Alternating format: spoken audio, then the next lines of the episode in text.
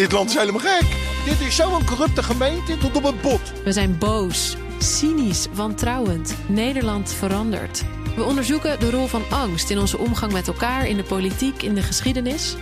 Seizoen 2 van de podcast Polder in de Fik. Waarom we zo bang zijn. Abonneer je nu in je podcast-app. Den Haag. Over drie kwartier om zes uur dan geven premier Rutte en de Duitse bondskanselier Olaf Scholz samen een persconferentie. Scholz, met in zijn kielzog een Duitse topdelegatie, is vandaag in Rotterdam om te spreken over de steeds nauwere samenwerking tussen Nederland en Duitsland. Onze beide legers weten elkaar te vinden. En vooral op het gebied van energie en klimaat gebeurt er samen met de buren steeds meer. En bij ons eh, is politiek verslaggever Sophie van Leeuwen. Hey Sophie. Hey, dag Liesbeth. Ja, een topdelegatie, zeg jij? Jazeker, een enorme delegatie uit Berlijn. Zes ministers. Natuurlijk Olaf Scholz, de Bundeskanzler. En minister Habeck van Klimaat is erbij. Lindner van Financiën, die het ook zeker met Kaag zal hebben over de onrustige tijd in de, in de bankensector, in de financiële sector. Deutsche Bank natuurlijk is gekelderd de afgelopen week. En um, ja, er zijn uh, andere ministers ook nog bij. Uh, om te praten natuurlijk ook over defensie. Want onze legers zijn bijna aan het fuseren, Want onze landmacht, ja. de 13e brigade, wordt ingelijfd uh, bij de 10e panzerdivisie uit Duitsland deze week. Dus ja, dit is best wel historisch eigenlijk wat we hier meemaken. Ja, want zo'n samenwerking, wat staat er dan op het spel? Je zou bijna even de Tweede Wereldoorlog vergeten. Maar het is natuurlijk ook een beetje een taboe. Maar sinds die oorlog in de Oekraïne is uh, het motto, ook in Den Haag en in Berlijn, samen optrekken, mm. samen sterk. En dat willen ze ook met energie. Uh, hoor ik ook uh, in het, bij het ministerie in Den Haag. Er wordt fors geïnvesteerd in waterstof, onder andere, in een mega elektriciteitsfabriek. En Duitsland en Nederland willen een beetje vooruitlopen op die Europese samenwerking. Want daar gaat het in Brussel ook over deze week. Op de Energieraad kunnen we samen gaan inkopen. Wij, de broers uit Noord-Europa, willen eigenlijk een beetje het goede voorbeeld geven. En koploper zijn. En koploper ja. zijn. Ik weet niet of het gaat, gaat, lukken, maar dat is wel de boodschap. Wat uh, Rutte en Scholz willen uitstralen straks. Dus het is ook een beetje een historisch moment, proef ik uit jouw woorden. Ik denk wel dat, dit een, uh, uh, dat we dit niet hebben gezien sinds de Tweede nee. Wereldoorlog. Dat Duitsland en Nederland zo gebroederlijk, economisch, politiek... ook nu dit podium kiezen om te zeggen... samen vooruit en het liefst nog sneller dan de rest van Europa. Europa. Nou, bij ons is ook CDA-Kamerlid Henry Bontebal... een van de best ingevoerde Kamerleden op het dossier energie en klimaat. Goedemiddag. Goedemiddag. Ja, hoe moeten we dat gaan zien? Gaan Nederland en Duitsland een beetje ja, fuseren? Het leger, de energiemarkt? Gaat wel ver. Nou, fuseren vind ik wel erg ver gaan. Uh, nou, samenwerken lijkt me erg goed. En laten we ook niet vergeten hè, dat, dat Duitsland en Nederland hebben allebei een flinke industrie. Um, uh, Nederland is voor Duitsland een hele belangrijke doorvoerhaven. Dus een heel belangrijk deel van de energie die Duitsland nodig heeft om zijn industrie te laten draaien, gaat gewoon ook via de Rotterdamse haven. Mm -hmm. Dus heel goed ook dat die ministers in Rotterdam uh, samenkomen. Volgens mij is dat een, uh, ook symbolisch een hele goed ge ge gekozen plek. Maar wat er in de toekomst denk ik nodig is, is nog nauwere samenwerking. Want die energievoorziening is op alle, allerlei manieren aan elkaar verknoopt. En wat we daarnaast ook moeten voorkomen, dat is ook wel wat je uh, dreigt te gaan zien, is dat er toch een soort concurrentie tussen lidstaten gaat komen over nou ja, wie de, de, de, de, de beste stimuleringsregelingen heeft en wie zoveel mm -hmm. mogelijk groene bedrijven uh, naar zijn land haalt. En volgens mij moet je dat uh, beter coördineren. Dus wat u betreft kan het nog wel wat sneller en wat verder gaan, die samenwerking? Ja, en dan met name op het gebied van uh, leveringszekerheid elektriciteit. Um, he, dus we, we hebben een elektriciteitssysteem in Europa dat heel erg uh, aan elkaar verknoopt is. He. Dus Nederland zit vast aan Duitsland en aan uh, Denemarken, België, Verenigd Koninkrijk. En die, al die elektriciteitsnetten zijn aan elkaar verknoopt. En we zijn in heel kort tempo, al die landen zijn hun energievoorziening, hun elektriciteitsvoorziening heel snel aan het veranderen. Ja. Met veel meer wind, veel meer zon. Ja, en dat moet ook nog een beetje beetje, dat moet heel erg leveringszeker blijven. Hè. Dus je moet altijd ook op het moment dat de zon niet schijnt en de wind niet waait, moet er uh, elektriciteit zijn. En nu is het toch nog te veel ieder voor zich. En dan hopen dat op het moment dat er schaarste is, dat de buurman of de buurvrouw, dat die wel inspringt voor jouw elektriciteit. En ik vind dat een gok die we niet moeten nemen. Wat gaan, dus echt... wat gaan Habeck en Jette, dus die ministers die hierover gaan, wat gaan die hier aan doen vandaag, denkt u? Ja, ik denk dat het begin, de eerste stap is natuurlijk gewoon je plannen delen. dus laten zien wat voor systeem je aan het bouwen bent en uh, wat het betekent het voor de afhankelijkheid van, het, van je buurland. Maar in de tweede plaats, als je dan constateert dat leveringszekerheid een grote vraagstuk gaat worden, en ik denk dat dat uit die analyses gaat komen, ja, dan moet je natuurlijk met elkaar bedenken van wat gaan we doen om die leveringszekerheid uh, uh, toch op peil te houden. Hoe gaan we zorgen dat die afhankelijkheid um, niet te groot wordt, maar dat je elkaar echt kan helpen in tijden van, uh, van schaarste van elektriciteit. En dat betekent mijn inziens gewoon dat je de, de, de, eigenlijk alle elektriciteitsproductie, dus hoe ziet je energiemix eruit, dat die landen dat beter op elkaar moeten gaan afstemmen. En ziet u anders dan risico's voor komende winter bijvoorbeeld? Nee, niet direct voor komende winter. Uh, want dat elektriciteitssysteem dat is gewoon echt uh, dat, dat, dat is gewoon heel leveringszeker in Europa. Het is niet voor niks dat er heel veel bedrijven um, naar West-Europa komen. Gewoon omdat die elektriciteitsvoorziening zo goed is. Maar dat moet je op peil houden, ook richting 2030. En richting 2030 gaan we gewoon echt heel veel zon en heel veel wind bijbouwen. Duitsland, Nederland, andere landen.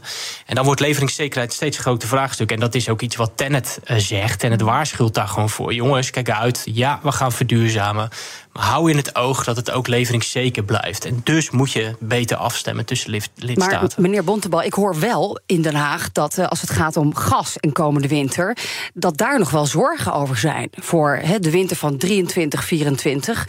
U heeft het nu over elektriciteit. Maar uh, ja, landen kunnen tegen elkaar opbieden, prijzen kunnen weer de lucht invliegen. En voor je het weet zitten wij weer met die gepeperde rekening. Ja, dat is een risico. We zien nu hele lage relatief, moet ik dan zeggen, relatief lage gasprijzen.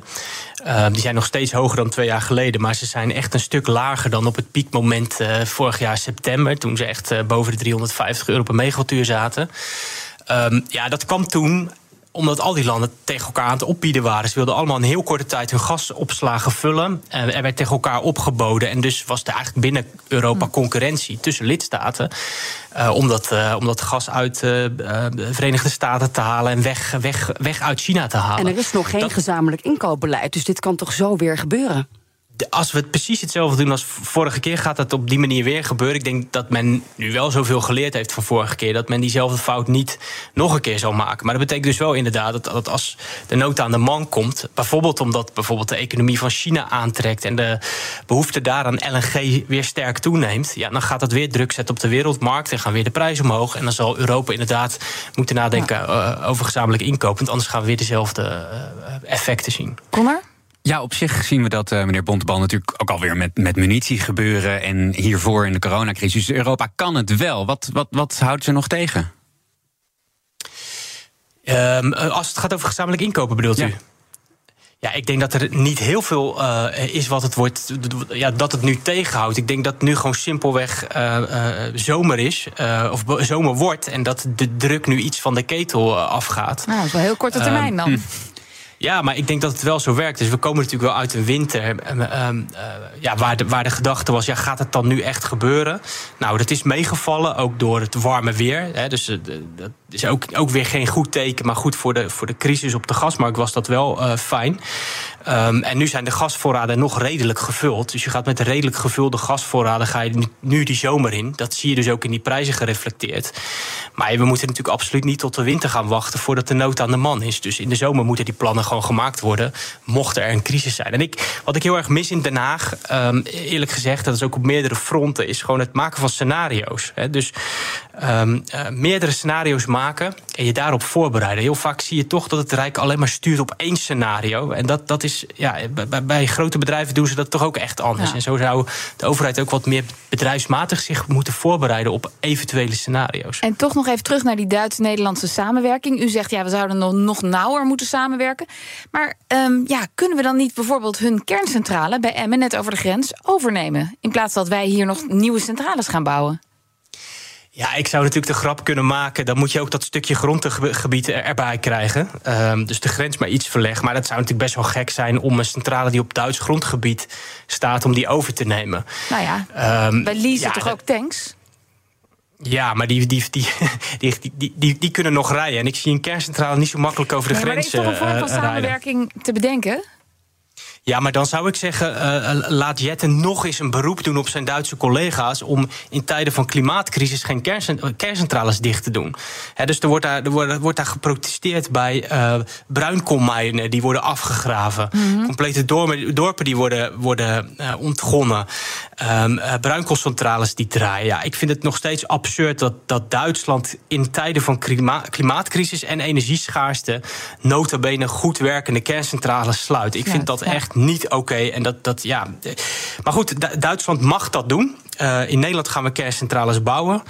Uh, het blijft absurd dat, dat die tegenstelling er is. En wellicht dat, dat Habeck en Jette onder het genot van een goed glas wijn of uh, eh, 0.0 bier dit nog eens even mhm. goed kunnen uitpraten. Want ik, ik blijf het een, een, een, ja, heel vreemd vinden. Ja, Sophie, eerder spraken wij ook al over de verkoop van het Duitse deel van Tennet. Hè. Er zijn miljarden mee gemoeid. Enorme deal zou dat zijn. Komt daar dan vandaag ook bij die delegatie een handtekening op? Nou, daar gaat zeker over gepraat worden. Er is een diner vanavond na 7 uur. En die handtekening staat nog niet, maar ik hoor wel uh, gesprekken, onderhandelingen over waarschijnlijk de grootste verkoop van een staatsdeelneming ooit in Nederland. Het gaat om misschien wel 20 miljard euro.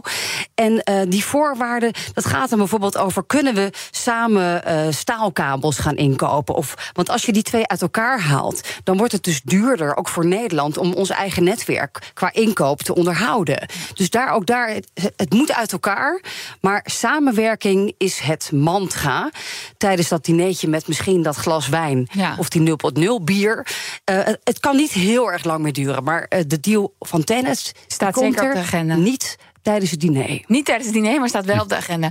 Nou, straks om zes uur dus die persconferentie. Ja, wat weten we eigenlijk van de persoonlijke relatie tussen Scholz en Rutte? Is er een beetje chemie, zoals Rutte met Macron heeft bijvoorbeeld? Ja, die, die vriendschap tussen Rutte en Macron, dat, eh, dat, die liefde bijna, dat, dat spat er vanaf. Zo zit dat niet helemaal tussen Olaf Scholz en Mark Rutte. Ik heb het nog even gecheckt bij de RVD. Uh, eh, formeel is de relatie goed. Dus ik denk, dat klinkt als een zakelijke relatie. Fijne collega's. Fijne collega's, samenwerken uh, en vooruitkijken. Of, ja, bijna historisch samenwerken. Maar zo'n knuffel als Macron en Rutte elkaar kunnen geven... Nou, die gaan we, zo zien misschien. We gaan denk het ik niet zien. Maar let, op, let goed op, zes uur persconferentie. En dan zullen we zien of het er vanaf spat. Die liefde. Dankjewel, Sophie van Leeuwen, politiek verslaggever... en CDA-kamerlid Henry Bonte. Ook Diana Matroos vind je in de BNR-app. Ja, inderdaad. Je kunt live naar mij luisteren tijdens de Big Five. Ook handig in de BNR-app. Breaking nieuwsmeldingen, maar ook het allerlaatste zakelijke nieuws. En je vindt in de app alle BNR-podcasts, waaronder Wetenschap Vandaag. Download nu de gratis BNR-app en blijf scherp.